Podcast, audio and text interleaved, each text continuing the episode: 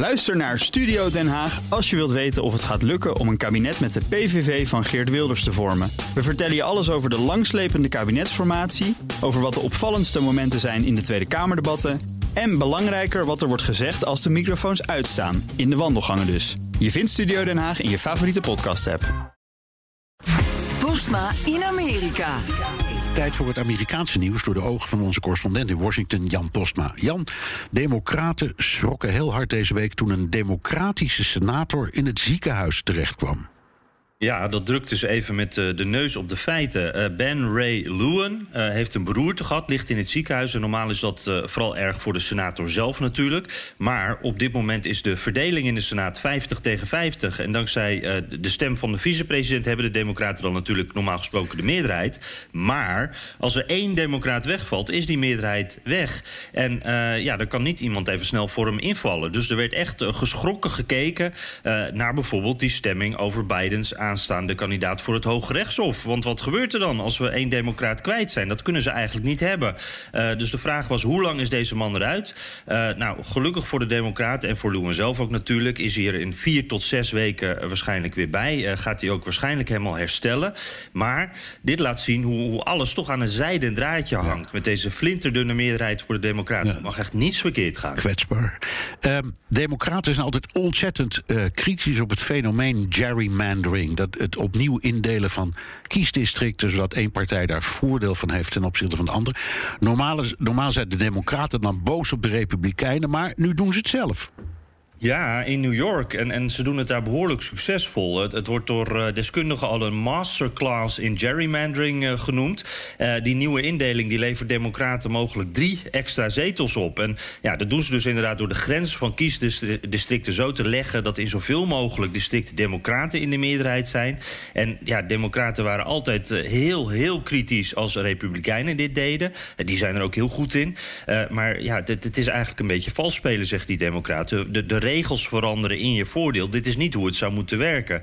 Maar ja, nu hebben ze zelf dan die kans. En ze denken van ja, wij moeten toch ook wat doen. Dus in New York, een democratisch uh, gebied, uh, zijn nu een paar kiesdistricten behoorlijk raar gevormd. Het is echt zo'n zo'n inktvlektest bij de psycholoog, weet je wel. Wat zie jij erin? Nou, in, in ieder geval niet een logisch gevormd kiesdistrict. Het is echt bizar gevormd allemaal. Ja. Je hebt twee tips voor uh, wie gerrymandering beter wil begrijpen. Ja, want je hoort het natuurlijk heel veel, maar het is een beetje ingewikkeld. Klinkt het ook meteen, klinkt toch wat abstract. Uh, voor beide geldt, ik heb de links, uh, of die zal ik ook even tweeten zo. Dus dan kun je even naar mijn Twitter gaan. De New York Times heeft een interactief verhaal over hoe je zelf je kiesdistricten zo kan indelen. Dat je de meeste winst eruit haalt. En ook meteen dat het ook nog een beetje volgens de regels gaat. Zodat de rechter het ook nog goed zal keuren. Daar kan je echt urenlang mee pielen. Dat is tip 1. En ja, hoe raar die kiesdistricten in heel Amerika eruit zien na dat gerrymander, dat, dat is heel leuk in beeld gebracht door de Washington Post. Die hebben op hun site een spelletje staan waarin je kunt mini-golfen in de kiesdistricten. En dan wordt echt meteen duidelijk hoe ongelooflijk raar die, die vormen zijn. Het is soms echt onmogelijk om het balletje van de ene kant van het kiesdistrict naar de andere kant te krijgen.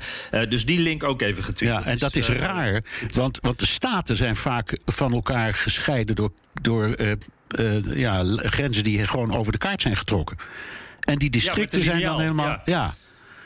Ja, precies. En die, die, districten, dat zijn echt een soort... nou ja, alsof je een, een, een glas melk op, uh, op de vloer laat vallen. Zo ziet dat eruit. Het is echt, echt bizar. Ja. Hey, nog even een vraag over het onderzoek naar de bestorming van het kapitaal, kapitool. Daar, daar komt enorm veel puzzelwerk kijken. Ja, want het, uh, het Nationaal Archief, uh, dat, daar gaan al die uh, papieren die op worden gevraagd van Trump, die gaan daarheen. Die heeft bevestigd dat heel wat van die documenten die zij binnenkregen verscheurd waren. sommige waren weer aan elkaar geplakt met tape, maar ook sommige de documenten die echt ingeleverd werden met als een doos soort ja, vol, vol confetti eigenlijk, allemaal snippers. En dat klinkt natuurlijk meteen verdacht, want wat proberen ze daar te verbergen? Maar het heeft ook te maken met een gewoonte van Trump om papieren te verscheuren als hij er klaar mee is. Wat op zich ook wel een beetje verdacht is. Ja. Uh, en ja, nu zal er dus nog flink gepuzzeld uh, moeten worden. Want Trump die heeft die gewoonte al langer. Uh, dat was ook al een groot probleem. Want volgens de wet mag een president dat helemaal niet doen. Al het materiaal moet bewaard blijven voor de archieven. Dus strikt genomen is het zelfs strafbaar dat hij het verscheurt. en daarom was er al een aantal jaar een hele afdeling bezig met het weer in elkaar zetten van die verscheurde papieren van Trump. Voor de archieven. ambtenaren met, met echt 30 diensten dienstjaren die 60, 70.000 dollar per jaar verdienen. En dus de hele dag met plakband en, en confetti-snippers in de weer waren. Echt een afschuwelijke baan. Oké, dankjewel Jan Postma, correspondent in Washington. Wilt u meer horen over dat fascinerende land? Luister dan naar de Amerika-podcast van Jan en mij.